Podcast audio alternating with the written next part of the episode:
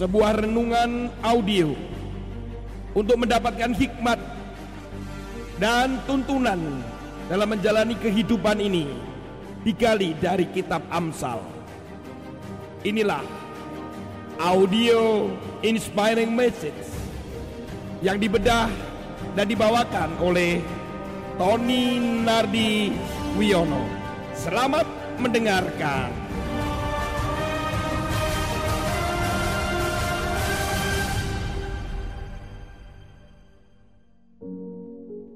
Shalom Bapak Ibu sekalian, saudara kekasih di dalam Tuhan.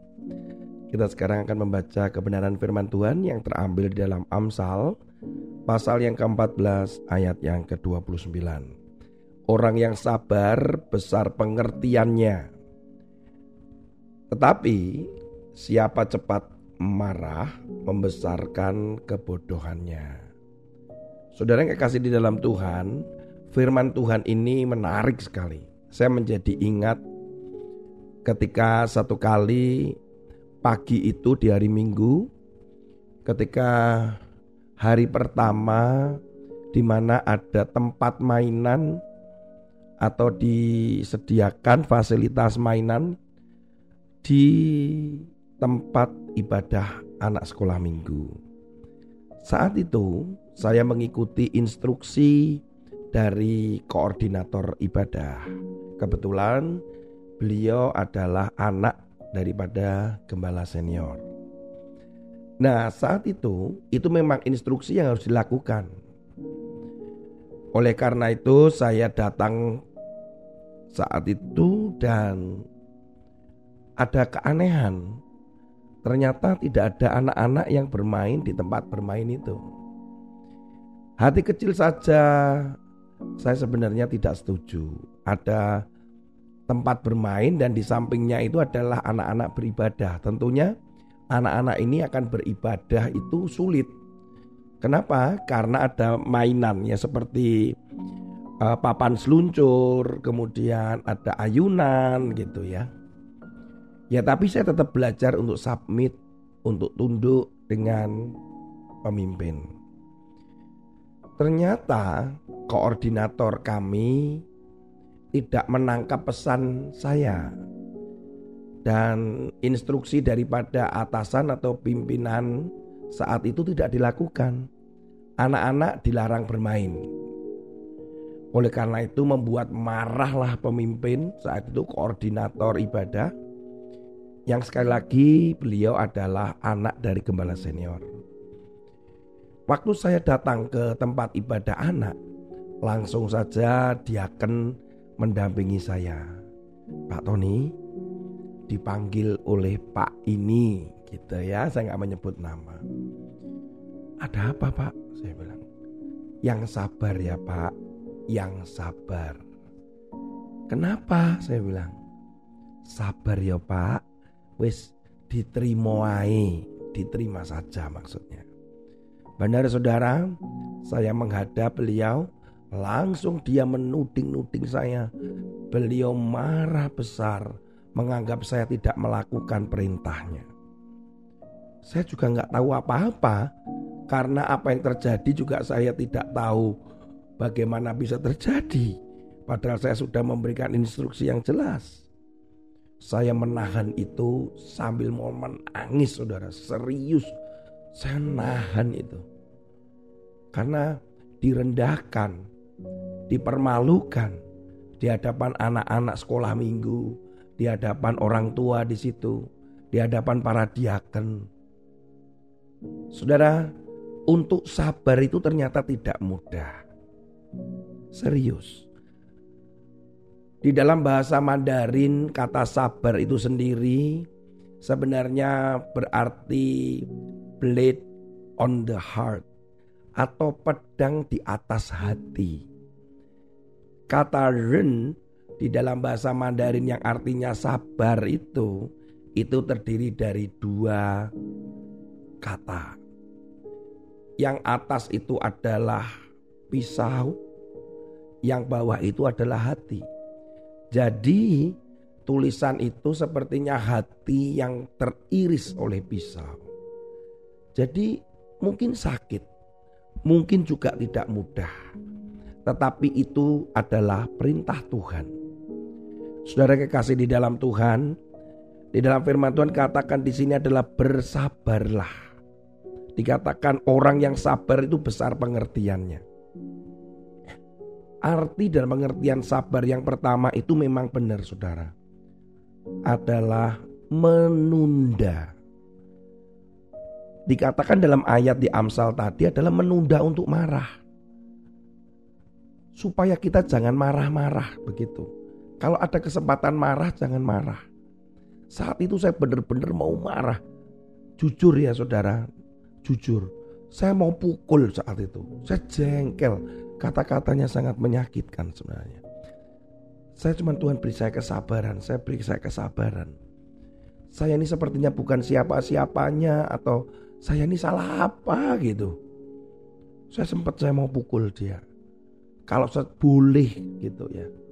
Karena sangat menyakitkan, mengolok-ngolok, merendahkan, menghina benar-benar saudara. Tapi saya belajar untuk bersabar dan menundukkan diri. Di dalam Amsal pasal 14 ayat 29 jelas itu adalah menunda. Menunda untuk marah. Arti yang kedua itu adalah menunggu. Sabar itu adalah menunggu. Di dalam Ibrani pasal yang ke-6 ayat yang ke-15 dikatakan Abraham menanti dengan sabar dan dengan demikian ia memperoleh apa yang dijanjikan kepadanya. Arti kedua adalah sabar di saat kita menunggu janji Tuhan. Sabar menunggu berkat Tuhan sabar menunggu pertolongan Tuhan, sabar untuk menunggu jawaban Tuhan. Gak mudah loh saudara menunggu itu, serius. Menunggu itu seperti sebuah perilaku atau sikap yang rasanya itu lama sekali karena ini berbicara waktu. Padahal satu menit ya Menunggu itu sepertinya berjam-jam. Menunggu itu tidak mengenakkan. Bahkan ada orang berkata bahwa pekerjaan yang tidak mengenakkan adalah menunggu. Menunggu jemputan, menunggu ah banyak sekali. Gak enak menunggu.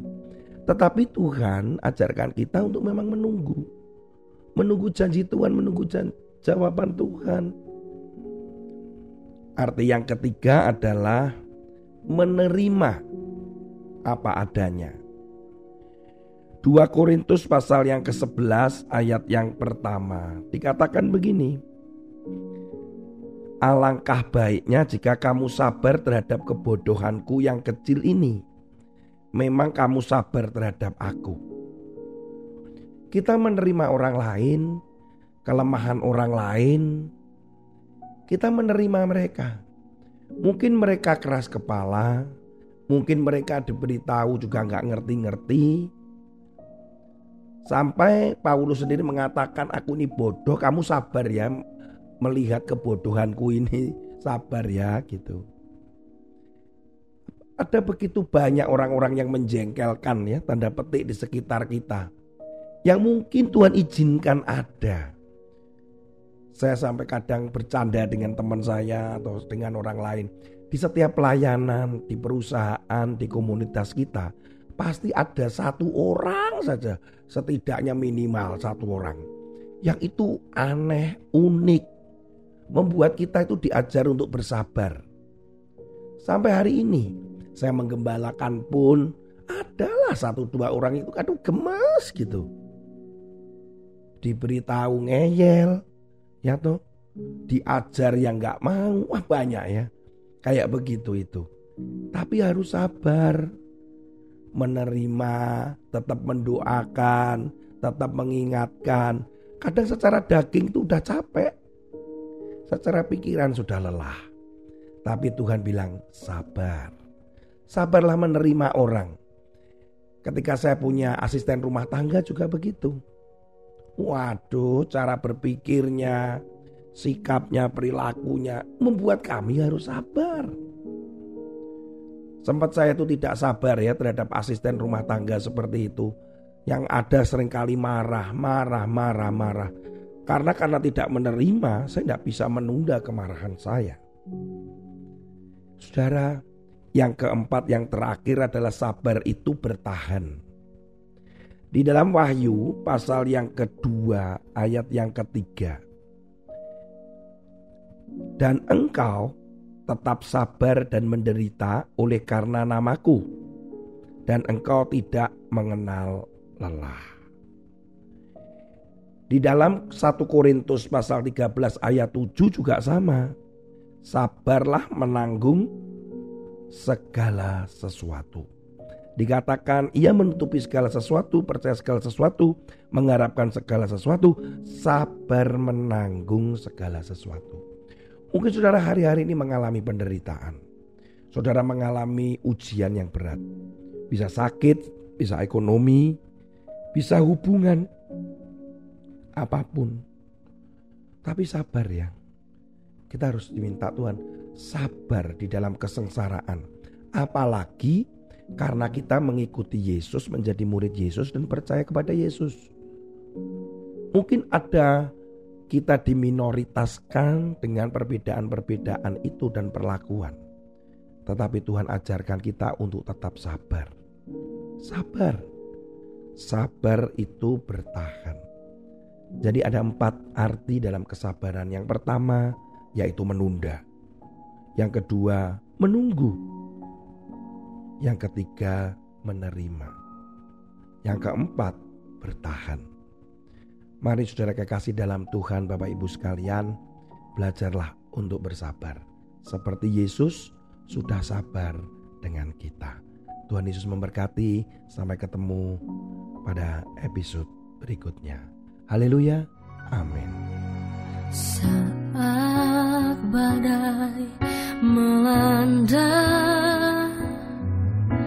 Saat susah dan lemah tahu arah hidupku. Semua tak berarti lagi bagiku. Kuatkanlah, teguhkan hatiku